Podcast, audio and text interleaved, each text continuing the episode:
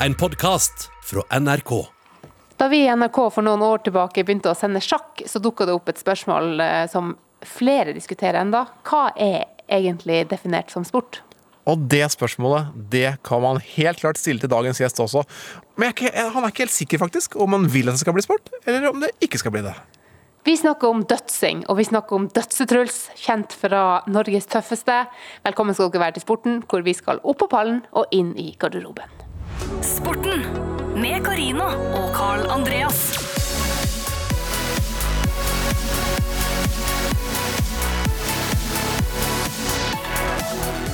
Ja, det er ikke noe tvil om det at sporten, altså podkasten, den både sjangler og, og hangler i dag, Carina Karina. Nei, altså, dere hører, eh, dere hører det kanskje, jeg er forkjøla. Eh, og jeg tar ingen sjanser. Jeg sitter på hjemmekontor eh, i Hole, eh, ganske langt unna NRK, med en unge på puppen og snørr i nesen. Men teknikken, den spiller og går. Ja, det, og det, ser, og det, det må jeg bare beskrive at det er nesten proffere enn vanlig, for du har festa mikrofonen på en drill og satt drillen Yes. opp foran deg. Det er, det er deilig skue, og det skaper trygghet her i studio Altså, nede på Marienlyst. den, eneste, den eneste devicen jeg fant i hjemmet vårt, var altså en, som, som kunne gi stabil eh, nok eh, tyngde til den her drillen. Det var en Ryobi-drill. Eh, har brukt den masse til å henge opp bilder, nå bruker jeg den også til hjemmekontoret.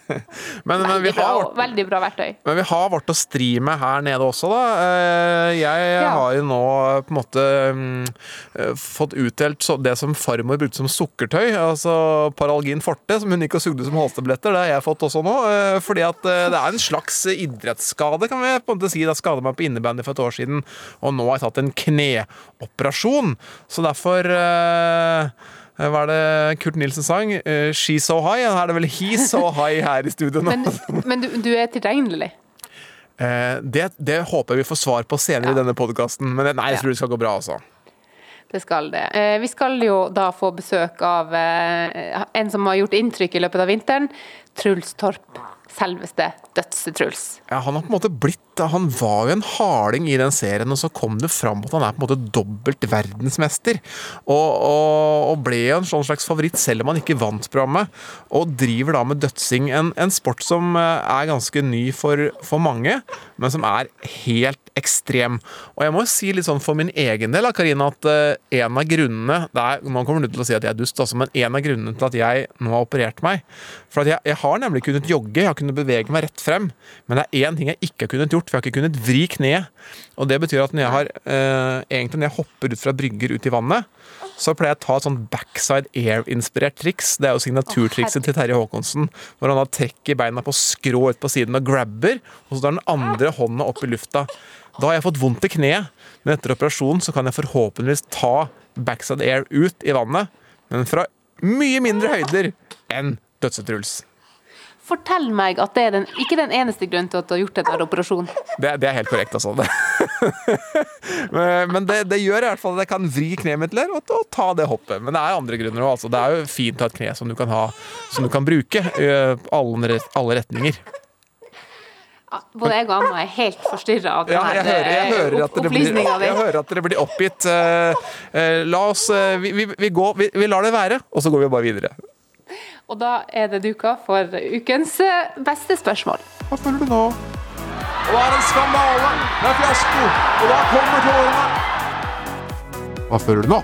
Det skjer jo en del ting i sportens verden hver eneste uke. Men hva er det som har fått deg til å føle noe spesielt denne uka her, Karina? Jo, nå skal du høre. Eh, vi snakker om eh, fotball, vi snakker om Champions League, og vi snakker om returoppgjøret mellom Bayern München og PSG. Det var en eh, frykende fotballkamp her tidligere i uka. Fikk du med deg den? Jeg har fått med at det har vært litt av et oppgjør mellom to gigantlag.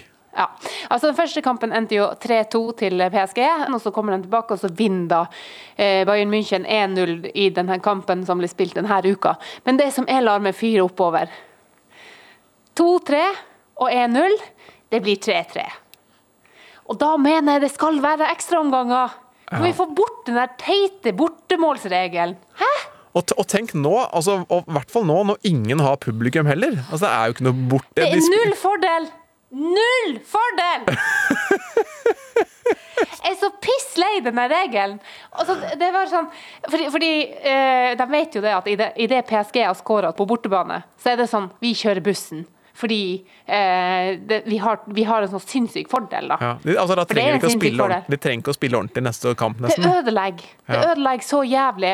Så det er min mening. Jeg, jeg satt og irriterte meg da jeg så den kampen. Faen òg! At ikke det blir ekstraomgang. Jeg følte meg lurt. Jeg vil ha mer.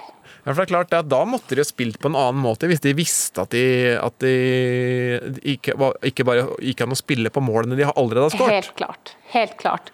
Uh, og, og da kan det også hende at vi ikke hadde fått en så god fotballkamp som vi da fikk eh, i, Paris eh, denne uka. For det var en veldig underholdende kamp. Eh, så det hadde vært ødeleggende kanskje for den ene singelkampen, men i det store bildet, store verdensbildet, fotballverden, så mener jeg at den regelen må bort. For 3-3 er uavgjort. Ja, ja, det er det faktisk. Men, men da, da er det jo ett lag som får da en overtidsomganger og eventuelt straffekonk på sin hjemmebane. Altså det ville være fordel, det, det laget, da. En straffekonk på hjemmebane, ja, kanskje blir, blir en fordel. Men det er jo så drama mye det blir! bedre.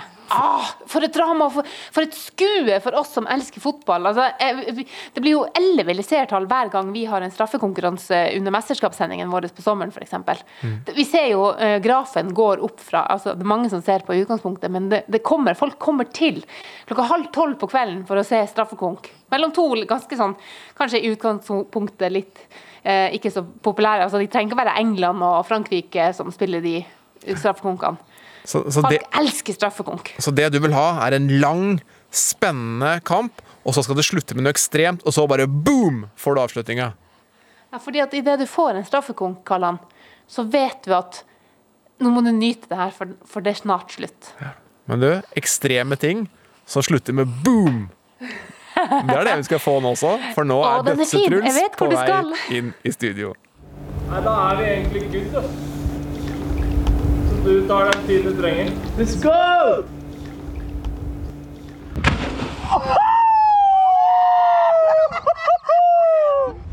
Sporten med Carina og Carl Andreas.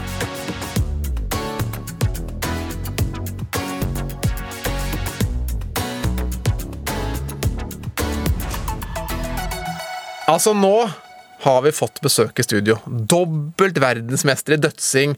Masse pallplasser, egen YouTube-kanal med dødsing. Altså, du er liksom 100% dødser, du. Truls Torp, velkommen i studio. Tusen takk. tusen takk 100% dødser, det, det stemmer. Ikke sant? Og Truls Torp, det er ikke sikkert det ringer noen bjelle for alle da. Men hvis jeg retter litt grann til Dødsetruls og sier at du er Norges femte tøffeste For det var det det, var det du blei i Norges tøffeste. Noe sånt. Jeg tror jeg kanskje sjette tøffeste. Var det sjette tøffeste, ja? Ja, jeg tror det. Ja, det var det. Ja, ja, Det men det, stemme. du var oppi der. En av dem. Men, men det programmet har jo rett og slett gått så det suser. Altså, eh, utrolig mange som har fulgt med og sett. Og så ble du på en måte Du ble hunken der, du. Ja, det er riktig tid å være på TV på. Det er mange som følger med og har tid til å se på TV nå, så jeg er glad jeg fikk med meg det. Og så er det jo en fordel, Truls, at du har sommerkroppen. Den, den, du trenger ikke å gjøre noe ekstra for å få den. Du, du hadde den allerede på, på vårparten. Det er hyggelig å høre. det er hyggelig å høre Altså, altså Kona mi hun er sykepleier og jobber eh, jobber et sted hvor det er på en måte Det er mye damer der, liksom. Men det er damer fra både unge, noen og 20 og helt opp i liksom 50-60. Ok, Det var liksom Dødsetruls som var, Sier du det? var typen der for, 50-60, alle. for alle generasjoner. Men har, har det vært mye trykk eller, på etter dette der? Det har vært en god del trykk. ass. Jeg klarte jo å havne i en sånn liten flørt der også, med å ene Seher, deltakeren der inne. Så folk tror jo det er eh, noe greier på gang der. Altså, Ja, hva, Du kommer, ikke, du kommer ikke unna her. Hva, hva er status? Status er at jeg har ikke tid til så mye damer for tida. Jeg må, okay. jeg må jobbe, jeg må dødse. Så du, du, du er singel og uinteressert. Uinteressert er feil, ass. Men uh, ja, jeg setter meg selv litt først i den tida her. Skal prøve å Store drømmer. ja, for, Ja, for, det, hva er det du, for hva er det du på en måte driver altså, vi må, Nå skal vi ta dødsing først, for dette er jo en ganske ny idrett. Og vi, det er ikke så mange norske idretter vi, vi egentlig har. Vi, altså, Telemark er den vi på en måte vet er den norske idretten, men, men dødsing er en norsk idrett. Hvordan starta dette her? Det jeg har hørt, er at uh, rockegutta og noen punkere på sånn 80-tallet uh, de var på Frognerbadet og skulle liksom uh, overbevise for stuperne at det var de som var tøffest. Så de landa på trynet, på bom i bomba, masse forskjellig. Og dødsing, da. Og egentlig bare hørt at det var de som uh, starta med det. altså. Og, og Men det hvordan kan man, si, kan man si noe om hvordan det navnet oppsto? Fordi at eh, OK, eh, det gjør vondt, men, men døds, liksom. Det er jo ikke dødelig. Det er uh, Jeg tror ikke man kan dø av det, men uh, du kan få vondt. Du kan få blåmerker. Men altså, jeg skal bare hjelpe litt til med historien her. For at du har helt rett. Det starta altså med gitaristen i det gamle bandet Raga Rockers, som heter Erling Brune Hovden. Brune, ja. Sneik seg inn på Frognerbadet på natta. Og begynte å dødse og skulle tøffe seg for, eh, for, for stuperne. Eh, og så har det etter hvert blitt da et VM i dødsing. Det, det handler om å, I starten så handla det om at du hopper ut, så går du, du strekker armer og bein rett ut i alle retninger. Og så kroker du deg sammen og lander med hendene på en måte ned mot beina i en slags U, kan vi si det sånn? Ja, det går an å si det sånn. I en slik X-formasjon. Det er den helt klassiske dødsen. ikke sant? Ja. Så har vi liksom, vi deler den i to forskjellige kategorier. da, Som er fristill-døds, hvor du kan ta spins, flips, og ja, så lenge du lander i døds. Og klassisk døds, da, som er mage først. Ja, for altså, altså, altså Ikke mageplask, liksom. Nei, nei, du skal jo rekke å lande i bomba. da. Lande, lande som en eh, kule eller som en eh, reke. Sprute mest mulig. Ja. Hvordan, hvordan, eh, hvordan har du klart å venne deg til å gjøre det der uten at det gjør vondt? Nei, det gjør litt vondt, da. Skal ikke Men, men hjelper det f.eks. at du har mye abs? Ja, jeg, jeg tror det. Jeg tror styrketrening hjelper litt. I hvert fall sånn eh, at du blir mer herda, kanskje. Så tror jeg det, noe med det også. At jeg har gjort det så mye. At til slutt så tåler man det litt mer. Altså, hvor, men hvor, hvor mye trener du da for å på en måte være fit for å kunne hoppe fra 15 og 20 meter? liksom? Ja, det er mest dødsetrening på sommeren, jeg skal si det. På vinteren er det, det er roligere med dødsinga. Men da Da trener jeg som en eh, Som en bøs fyr på treningsstudio. Ja, Hvor mye da, liksom? Nei, styrketrening er, det er flere ganger i uka, det. Ja. Men uh, det er på sommeren Uh, det, er derfor, det er derfor jeg er på studio, for å kunne holde på med det jeg driver med. Tåle det. Ja, for, for altså, og Hvis vi skal liksom tilbake til starten her med, med, For det, du har altså vunnet VM to ganger. Og, og VM pleier jo å være ikke sant, Karina er vant til fotball-VM, og det er liksom kjemperigg, og det er eh, et sjukt opplegg. Hvordan starta VM i døds? VM i døds, eh, det starta på et uh, nachspiel i eh, 2008. Det var egentlig Egentlig noen gærne boys som snek seg inn på Frognerbadet for for å starte en eh, kul konkurranse. Og ja, ti år senere så er det flere, flere tusen som er i publikum, og hele verden får det med seg. Så Ok, Fortell, fortell om det siste VM-et du vant. Uh, siste VM jeg vant, var i 2017. Og uh, det, var, det var feber der. Altså. Det var, jeg tror det var 5000 som satt og så på på Frognerbadet. Ser jo liksom på, ser liksom på Frognerbadet som hovedstaden i Oslo. Det er der det skjer. Det er der jeg liksom navigerer meg ut fra. Eh, ting klaffa, ass. Jeg hadde, sett, jeg, hadde sett, jeg hadde lært meg trikset jeg gjorde i finalen to dager før. Ja. En eh, frontflip. Litt sånn eh, inspirasjon fra en eh, sk- skifyr som heter Tom Wallach. Hvor du lener liksom Du kommer med hodet langt fram. Boom! Perfekt landing. Så vant jeg hele greia. Og da, Kjente du at det var et perfekt døds eh, når du, når du ja, ja. var i vannet? Ja. ja Hvordan er den 100%. følelsen? Beskriv det. Uff, jeg beskriver det. Ja, det er som å Det er som å ha en bra dag på jobben. Det er, det er deilig. jeg, jeg, det og da, da gjør ingenting vondt. Nei, smerta føler jeg ikke på når det er flere tusen som sitter og ser på. Ikke sant? Det, det blir liksom feil fokus. Vi skal tilbake til dødsinga, men det er ingen tvil om at skal du klare liksom å hive deg ut fra 10 meter, 15 meter, 20 meter eller hva som helst, da må du rett og slett ha veldig god feeling. For å liksom kjenne på når du skal kroke deg sammen for å treffe vannet. Yes. Eh, Det er, det, er, det er teknikk. Det er ja. mange som liksom eh, glemmer litt det. At uh, har du teknikken inne, så skal det ikke gjøre så vondt. Nei. Og dette med feeling, det har liksom det vi kaller på svensk kjensla, da, siden jeg har svensk kone. Å kjenne på det. Det fins andre folk i verden som også har veldig god feeling. Og Derfor har jeg latt oss inspirere av deg nå, Truls, til å ha pallen i andre idrettsutøvere med feeling. Opp på pallen og inn i garderoben. Det her er sporten. Da er det jeg som skal starte, og jeg skal til en kar. Jeg sier navnet, for dette kommer ikke til å ringe noen bjeller for så veldig mange, og det er Jervin Price fra Wales. Han var rugbyspiller og spilte faktisk eh, walisisk finale på Millennium Stadium i 2012. Og når du tenker på rugby, da tenker man ikke på feeling og kjensla. Men det han gjorde, skjønner du, i 2012, at han bytta til dart. Han gikk altså fra å være en av de beste rugbyspillerne til å begynne med dart. Nå er han verdensener og verdensmester. Kom fra ingenting og er nå best i verden. La oss høre hvordan det høres ut når han ble best av alle. Yeah, now it's double five again. And, and well, Price will join us when he's ready. Yeah, you go have a look. He read a few of the names on there. Yeah, he wants to add his John. He literally just got within touching distance. If he hits double five, he can actually touch it. It will belong to him. Gary Price is the champion of the world! Altså, jeg sitter her med frysninger. altså, altså, gutta altså, de skal sikte altså, på så små ting, spesielle steder på tavla, og treffer akkurat. Han satte en snittscore på 136,64 på tre piler i ett sett. Ingen har kasta så bra noen gang. Det er mitt første forslag til eh, pallen. Du har vel kasta noe dart, har du ikke? Jeg har kasta litt dart opp igjen, men jeg sliter å finne noe sammenheng mellom eh, rugby og dart. Eh, kanskje han var quarterback eller noe, kasta langt. Men Karina, klarer du å følge opp dette? Jervin Price? Altså, jeg er litt mer, uh, hva skal jeg si, litt mer mainstream enn det Karl Andreas er. I, min, uh, I mitt første forslag um, Jeg har jo jobba veldig mye med uh, idretten skøyter, og den er du kanskje kjent med, Truls? Jeg vet hva skøyter er. Det er litt mer gammeldags enn dødsing.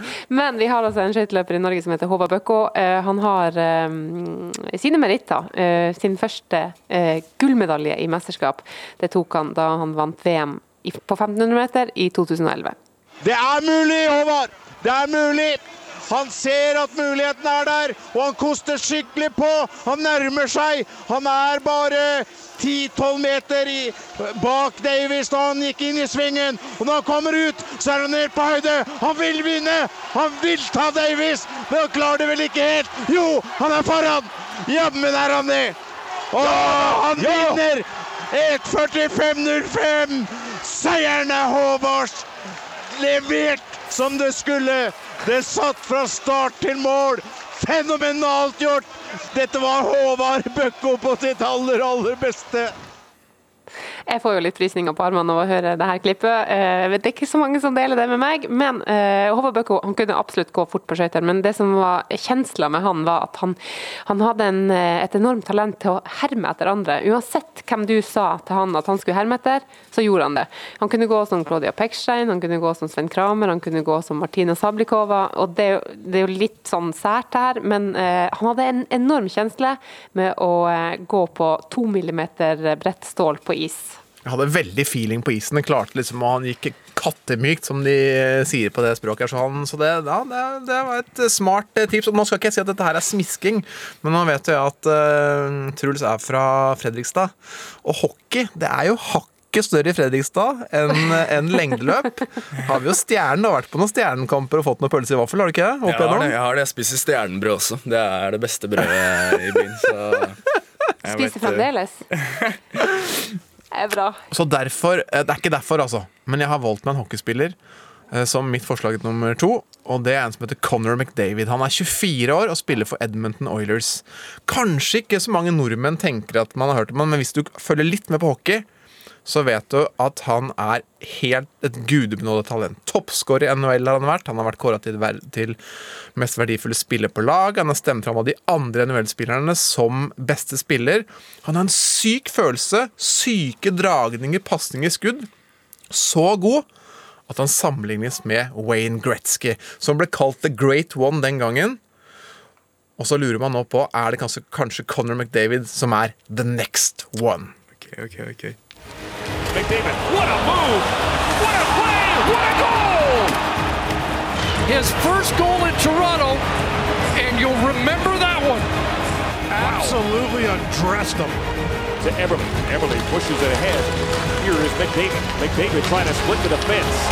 McDavid, what a play! What a goal! Oh my! Connor McDavid, welcome back! A standing ovation here at Rexall. Wow is all I can say is absolutely wow. This is. I've got no words. I've got nothing. Han har nok spist noe stjernebrød, han, skjønner du, for han superstjerne i USA og kan gjøre hva som helst med pucken fordi han har helt utrolig feeling. Hockey er deilig å se på. Ja, det er det. Ja, da er det din fjerde og siste Ja. før vi skal begynne å vurdere her. Har du noen annen skøyteløper? nå skal du-. Jeg, det, her er, det her er jo den spalten i denne podden hvor vi får lov til å være veldig personlig. Eh, så jeg er personlig nå òg. Selvfølgelig skal vi ha en fotballspiller. Og nå skal dere få høre hvordan det høres ut når italienske Andrea Pirlo skårer mål.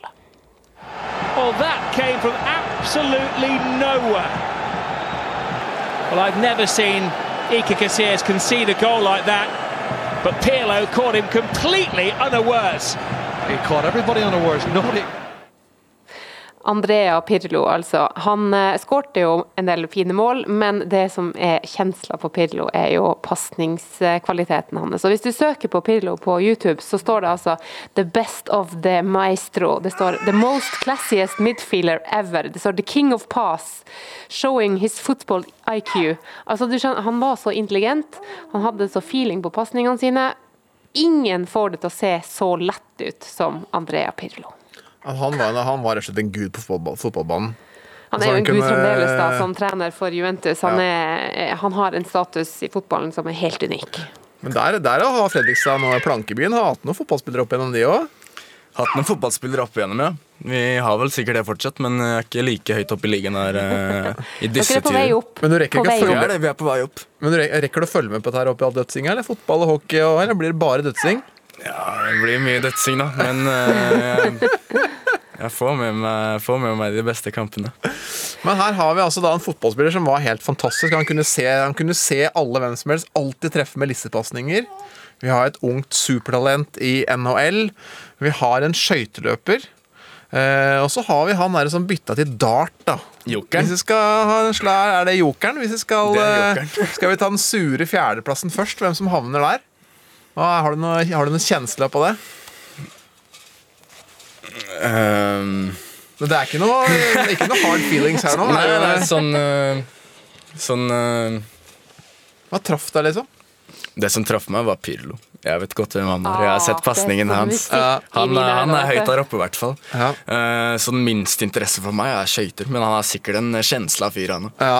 Men da er Bøkko det er eh, fjerdeplass. Det var ikke helt overraskende at han er på fjerde. Men da er vi oppe på pallen. Vi vet at Pirlo er der med og snakker om Men, men ja, Pirlo, om det er liksom han har allerede nevnt det. Pirlo skal på førsteplass. Han har jo sagt det. Ja, men så har vi jokeren jokeren. Han må jeg sjekke ut, altså. Ja, han, det, det er ganske rått, altså.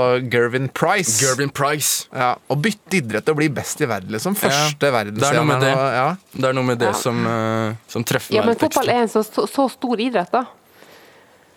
Tenk alle dem som har prøvd å, å få den pasningsfoten til Pillo. Tenk alle som, som lengter etter den i Tenk hele alle som har verden. kasta dart, da. Ja. Det er ikke like mange som har spilt fotball. Å, det er Det er mange sant, som har ass. kasta dart, ass. Det er ikke mange som har kasta dart Nei, og men du, spilt rugby. da. du er sjefen her. eh, Du er sjef da. Skjønner jeg, Conor McDavid han ligger liksom under disse her to andre, så han, eh, da Ja, er det han- tredjeplass han er på Conor tredje. McDavid. Og så er det nå eh, andreplassen. Eh, går til en av dem, men gjør, oss- la oss gjøre det spennende. Vi kjører en liten vignett nå. Mesdames et messieurs, médaillés d'or, Ladies and gentlemen, gold medalist.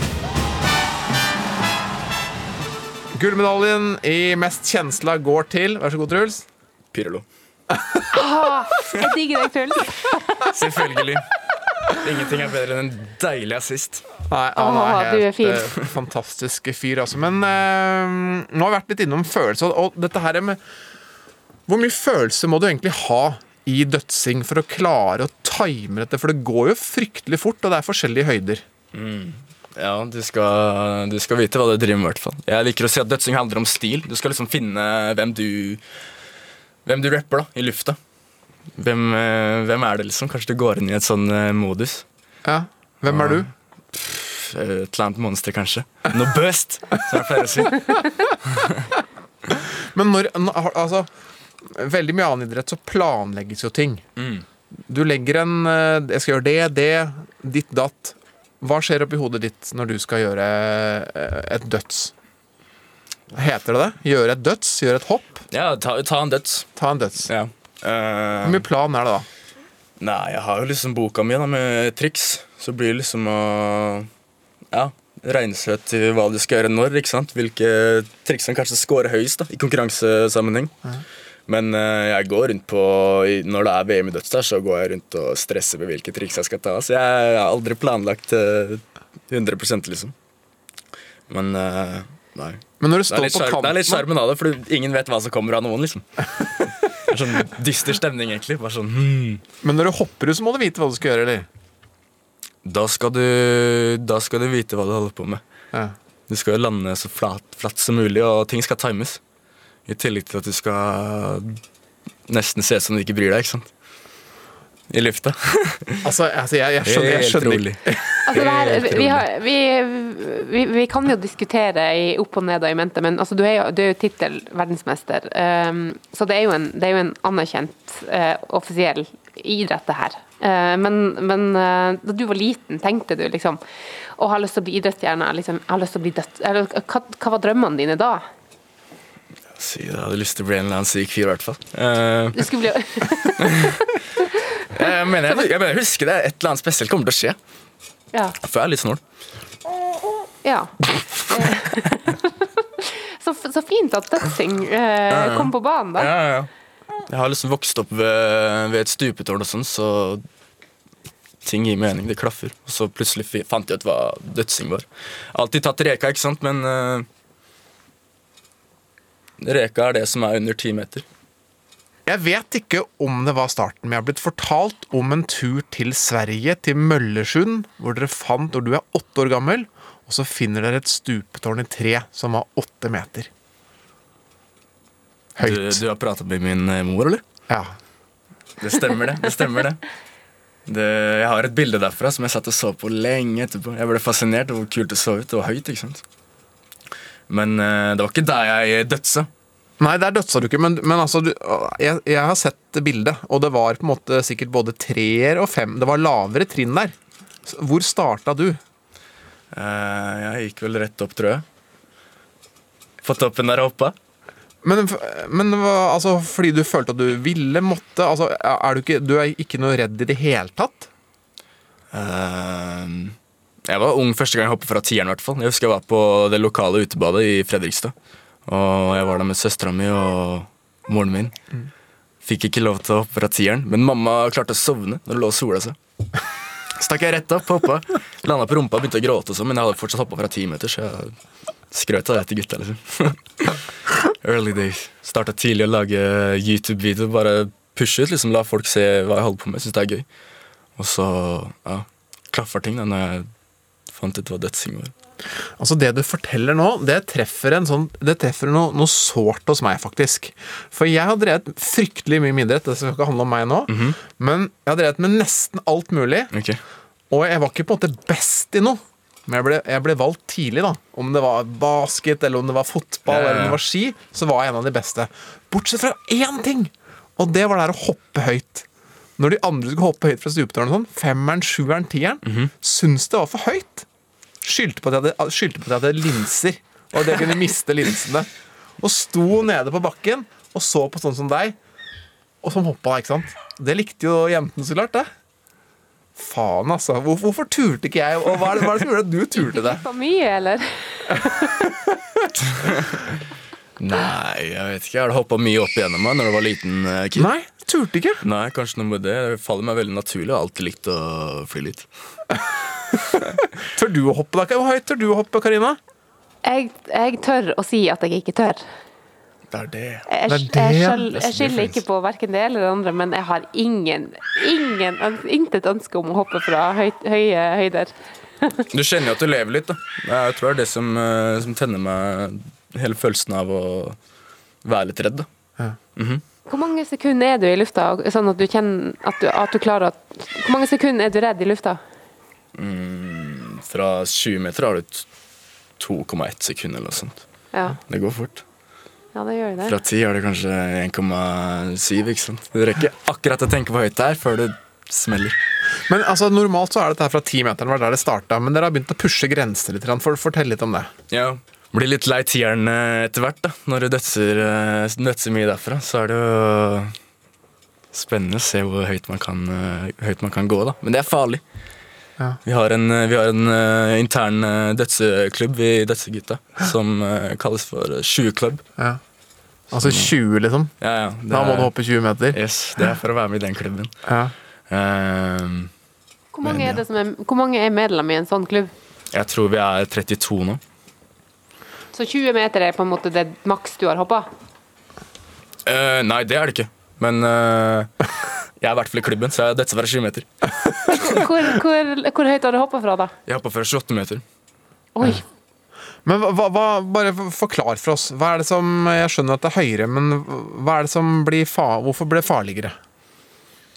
Det er det. det er kanskje e- Fra 10 meter, kanskje én av ti døds. Det, det gjør vondt i, i hodet. liksom Et eller annet skjer.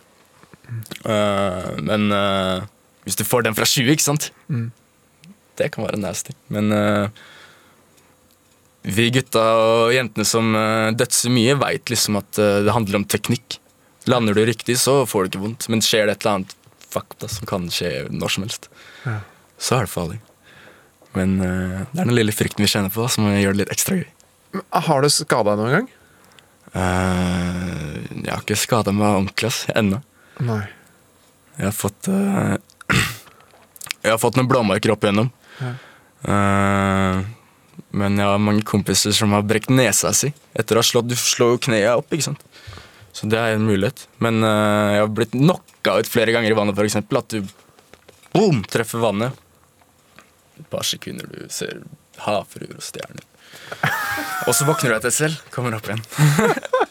Noe sånt. Det høres veldig, veldig skremmende Ja, ja. ut. Men du, du har ikke besvimt i vannet noen gang? Nei, jeg har ikke det. Men jeg har en, eh, en kompis som, eh, som heter Markus. Han eh, Eller jeg har en sånn greie, da. Det er ikke alle kompisene mine som driver med dødsing. Men jeg prøver å lære dem. Og Poppis-fyr, vet du. Den er fin. det er uproft-Silde. ja, apropos kompiser. Eh, Jeg prøver å lære dem å dødse. Og det er jo ikke alle som har, eh, er like vant til uh, høyder og vann og adrenalin. Da. Men uh, de prøver. De har liksom uh, gutsen, men de har ikke dødsen. Skjønner du? Så flere kompiser av meg har sett havfruer og stjerner når de kommer opp fra vannet. Men da er det bare å hoppe uti og redde dem, og så prøve på nytt. Altså, Gi et lite sånn, lite sånn krasjkurs her, da. det er det riktige ord å bruke. Altså, Hvordan skal man starte? Skal man starte fra eneren? Altså, hva, Ja, ja. hva skal man gjøre da? Det er som i de fleste andre sporter. Ta det steg for steg. Uh, når du først har tatt det fra ti meter, så kan du kalle det dets. Ja, altså Opp på eneren, hopp opp, og så hva skal jeg gjøre? Tenk at du skal egentlig prøve å ligge så flatt som mulig i lufta. Ja. Hvis du tar en klassisk døds. Ja. Og så sent som mulig skal du krype deg inn. Al altså i Som en klump, på en måte? Ja, Se for deg en uh, slags uh, fosterstilling, nesten. Bare helt tett. Så er jobben gjort. Da, da, da smeller det. Du kan få vondt. Eller så kan du ta reka.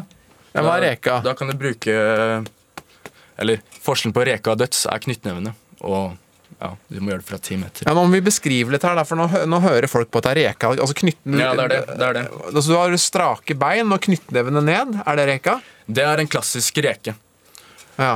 Og om du knyter øh, Knyter øh, henda dine Ja. Du bruker fist. Ja. Knyttneve heter det.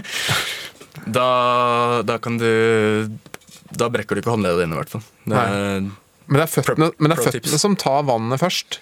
Du skal prøve å lande flatest mulig, da, så du treffer egentlig likt. Se for deg et uh, stup, da, men du drar til deg beina. Ja. Typisk reke. Det er, det er gøy når eh, det er, det er gøy når eh, Jeg tror dere hører det dere også. Når Truls når han slår knyttnevene sine sammen, så sier det dunk litt, litt som samme som når du slår i et bord. Så dette her er en hard, knallhard fyr, altså. Det høres helt til Jeg er ikke så fan av å forklare den sporten her, for det, ser, det er en veldig visuell, eh, pen sport. Men du, kan, du, kan man leve av å dødse? Du kan leve av mye rart i 2021. Så Jeg ja, tror- man kan tror, det. Jeg tror dødsing er en av dem. Det er en sport med mye potensial, og ja, jeg bare hoppa på den ballen. Du prøver å leve etter her nå, å leve av dødsing. Hva, hva er eh, Jeg vet det er YouTube-kanal, det er eh, litt sånn klesting. Hva, hva er planene dine for å være liksom 100% dødser? Jeg tar det litt som det kommer, men det er, det er mye, mye som skjer. Det er gøy egentlig bare å hoppe på alle muligheter man får. Altså. Og hittil har det fungert. Det, ja, Hjula ruller, så jeg kommer til å dødse så lenge jeg kan. Men du, eh, selv om eh, det er dødt som er din hovedgeskjeftigelse, eh, så er det jo veldig mange av våre lyttere og veldig stor, del av Norges befolkning som kun forbinder deg med Norges tøffeste, så vi må snakke litt om det òg. Hvorfor meldte du deg på der? Eh, Jeg meldte meg på Norges tøffeste etter jeg så Funky Ginny la ut en eh, Instagram-post. Hun spurte liksom eh, hele Norge, da. Er du, eh, er du Norges tøffeste? Er du en, eh, en dødser? sa hun i videoen. Og da tenkte jeg deg direkte? Ja, nettopp. Og masse folk begynte å sende den til meg. Jeg begynte å vurdere det. Og så, før eller siden, så fikk jeg beskjed om at jeg var med. Men hvordan var det? Eh, De, eh, det, var jo, det var vel bare et par uker dere var i, i effektiv innspilling. eh, Og med all den tunfisken og alt det der hermetikkfanskapet dere måtte forholde dere til det. Hvordan opplevde du det? Jeg var forberedt på at det skulle være lite søvn, lite mat. Det, det gikk egentlig overraskende bra. Det var liksom Det var fokus på å vinne der. Var liksom At det var lite mat og søvn, det, det gikk fint, altså. Men, men eh, det er klart, er du har mange følgere på YouTube-kanalen din. Det er mange som følger deg på Instagram. Nå er det Mm. veldig mange som har sett deg på Norges tøffeste. Eh, mange unge ser opp til deg og syns det er helt rått det du gjør. Mm. Og vil gjerne bli som deg og kopiere deg. Og det har faktisk eh, nesten gått eh, galt allerede. Eh, hva, hva var det som skjedde når det var noen som skulle prøve å være Mini-Truls? Ja, tenk på det. Vi må spole et par år tilbake. da, Det var 2018. Eh, det var en eh, Jeg fikk en melding, husker jeg. Jeg så den ikke i tide. Det var det. Jeg var på Hurtigruta, chiller'n. Men det var en kis som eh, spurte om, om det var her. Om det var liksom her vi skulle hoppe. For han hadde dratt til et sted hvor jeg pleier å hoppe. Og sett på YouTube. Og sett på YouTube. Men når vi står på 7-meteren, så ser vi opp til venstre. Der er det et svært fjell. Jeg har aldri gått opp på det. Han gikk rett opp dit. Hoppa fra 34 meter. Og trodde han var der hvor du var. Ikke sant? Ja. Og ja, han, eh, han skada seg ordentlig. Forsida av VG og full pakke. Det gikk bra med han. Ja. Men eh, ja, det satte seg litt i hodet mitt at han eh, Han skulle jo dit vi hoppa, og ja. Ja, for han knerta. Han var, det skjedde noe med lungene. Og, Ja, det var noen punkterte lunger og noe og tre dager på Noe- sykehus. Ja, noe i den duren. Hvordan, eh, hva, hva tenker du om sånne ting? Hva, hva må du liksom Hva blir viktig for deg å passe på når det faktisk er så mange som ser opp til deg? da? Ja, det har blitt et uh, forbilde for mange kids, så jeg må jo holde det ekte hele veien. Mm. For å ja, spre positiv energi. Bare egentlig få kidsa på noe, noe bra. Mm. Hvordan var følelsen din når du faktisk eh, skjønte at du hadde fått melding, men ikke fått det med deg? At du kunne ha stoppa det, men Mm. ikke rakk det? Først og fremst så ble jeg litt misunnelig. Han hadde hoppa, fra 34 meter. For det, jeg, fikk, jeg fikk videoen, jeg visste ikke at han hadde skadet seg. Så jeg tenkte wow. Men uh, nei. eh, jeg var ikke like misunnelig når jeg så den uh, skada hendelsen. Det var ikke pent i det hele tatt. Eh, men ja, jeg må passe på. Mm. Eh, som sagt. Dødsing følger ikke alle regler, men uh, du skal i hvert fall være trygg på deg selv og vite hva du driver med. Ikke bare tro det er noe tilfeldig eh, årsaker til at vi driver med det her. Vi trener, vi trener på det, det er det vi gjør. Mm. Er, det det viktigste å få frem til altså de som er unge? At dere driver faktisk eh, seriøst på med dette her, og det er ikke bare å kopiere? Mm. Ta det steg for steg. Liksom, begynn, hvis du skal bli, bli en dødser uh, som uh, hopper fra, fra, fra 20 meter, så, så burde du ta noen forhåndsregler og i hvert fall eh, vite at du er helt trygg fra tieren da, før du begynner å pushe det oppover. Mm. Jeg har hørt en ting her om at det er noen sånne, noen sånne koder som eh, man ikke må følge, men altså det, fins, da. At du helst skal hoppe i, i, i, i sånn en spesiell shorts eller spesiell bukse. Hva, hva er det for noe? Ja, det Det er liksom Ola-shortsen som eh, Som eh, beskriver liksom eh, detsinga litt. Bare klipp en Ola-shorts, så har du en eh, en, eh, en detsebukse du kan detse i. Så det skal helst være sånn avklippa olabukse, det er tingen. yes. Helst. Men det er, det er mye badebukser ute og går òg. Det er det. Hvis det virkelig går, hvis alt går din vei eh, i løpet av det året som kommer nå, hva, hvor, hvor havner du hen da? Uh, hvis alt går min vei Mm. Hvor jeg havner, da havner jeg på Hvis alt går min vei i år, da havner jeg på toppen av pallen i VM i døds. Det var det gøy. Ja. Du vil tilbake igjen, for nå har, du har noen år da du ikke har vunnet, faktisk. Ikke sant, ikke sant? Så et, et comeback i VM, det hadde vært sykt. Og så vet du jo, du vet jo hvor seriøse mange sporter er, eh, og blir etter hvert. Mhm. Er det der du vil eh, Altså, altså er, er dødsing en sånn sport? Eller skal dere være sport på en annen måte eller deres egen måte? Hva tenker du om det? Mm, mm. Det er et stort spørsmål om dagen. Det er, eh, jeg er glad jeg i hvert fall har fått med meg oldboysa, og hvordan uh, dødsekulturen var uh, ja, for eh, fem-seks år siden. Det er stadig endring. Kanskje det blir litt Det går mer uh, mot å bli en, ja, en sport. Ja. Og det er både positive og negative sider, det. Ja. Hvilken vei vil du helst at skal ta da? Jeg vil at dødsing skal bli størst mulig. Og ja, da kan det bli sport for min del, så lenge vi holder det ekte. Ja. OL neste? Who knows? Vi nærmer oss slutten her, Truls. Eh, Men jeg regner med du har Jeg skjønner jo du har mange drømmer. eh, Og det er jo selve dødsinga som du lever for. Mm. Hva er på en måte drømmedødsen, drømmestedet, som du lengter til, og som du en eller annen gang skal, eh, skal, skal gjøre? Tja, kanskje får man eh, Kanskje får man hytte i Kroatia eller noe sånt, med en balkong. 17-18 meter på morgenen der, før, uh, før kaffen. Det var deilig. Rett ut der og ta en døds på morgenen? Se for deg det! Ja, ja, ja. Wow. Noe sånt. Det har vært sykt. Da er ditt Når jeg da- liksom, når jeg liksom er oldboysa, når jeg er uh, 50-60 år, da, så kan jeg våkne på morgenen og bare kaste meg ut i det. Det var deilig. I den gamle avklippa dongeribuksa. Yes. Da er livet runda for deg, liksom. Noe sånt. First. Det er utrolig kult å ha deg med, og så håper jeg at dødsinga bare vokser sånn som du vil. Og ikke minst at du får øen ut i verden. Yes. Riktig. Hyggelig, hyggelig å prate med deg. Det er egentlig litt deilig for oss som er litt sånn tradisjonelle og liker skøyter og lengdeløp og 400 meter til venstre, å høre med sånne ungdom som, som liksom OK, de finner på nye idretter, rett og slett. Altså, det er liksom en, det er en kultur, og det er liksom en følelse. Det handler om stil, det handler om eh, hvordan folk liksom reagerer på det. Og det er vel så viktig som eh, det å prestere. Nei, det var helt fascinerende, altså. Men det må jo si at jeg, håper jo at ingen av mine døtre kommer og sier 'Mamma, eh, kan ikke vi begynne med døds?' jeg, jeg har ikke lyst til å se at de liksom hopper ned fra 34 meter i en eh, sofaformasjon, eller hva det skulle være. Men altså, når vi først har hatt uh, Truls her, så må jeg jo bare si det at uh, jeg, må, jeg har jo lyst til å sende en, hyll, en hyllest til han som faktisk ble Norges tøffeste. Ja, fiskeren. Isak.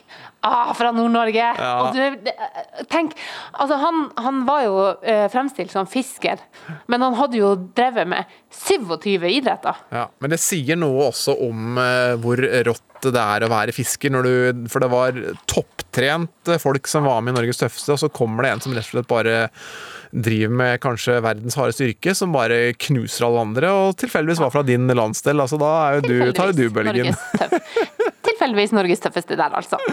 Men du, jeg skal eh, Han driver og lager sine egne YouTube-filmer, eh, Truls.